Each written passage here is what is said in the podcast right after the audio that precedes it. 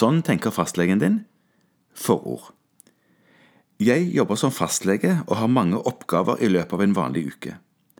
Pasienter har mange ønsker, krav og forventninger til hva jeg kan bidra med, og jeg ønsker å hjelpe så godt som mulig. Derfor vil jeg med denne lille boken forsøke å beskrive hva typiske fastlegeoppgaver består i, hvordan vi tenker, og hva du kan forvente når du kommer til mitt kontor. Jeg har skrevet dette først og fremst til deg som bruker fastlegetjenesten. Målet mitt er at boken skal bidra til at dine forventninger samsvarer med hva en fastlege kan tilby.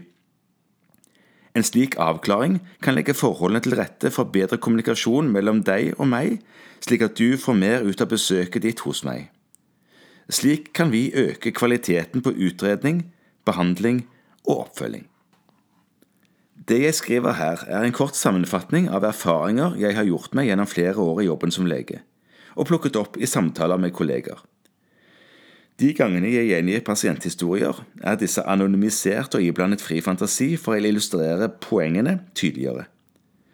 Skulle noen kjenne seg igjen, er nok dette helt tilfeldig. I tillegg til å beskrive min grunnleggende tankegang, håper jeg at teksten kan vise bredden i fastlegens oppgaver.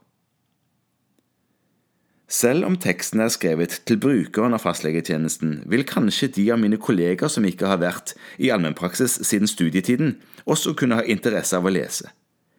Nå påstår ikke jeg at jeg forstår alt som skjer på et sykehus, men om leger kjenner hverandres hverdag bedre, vil dette gi bedre kvalitet på pasientbehandlingen.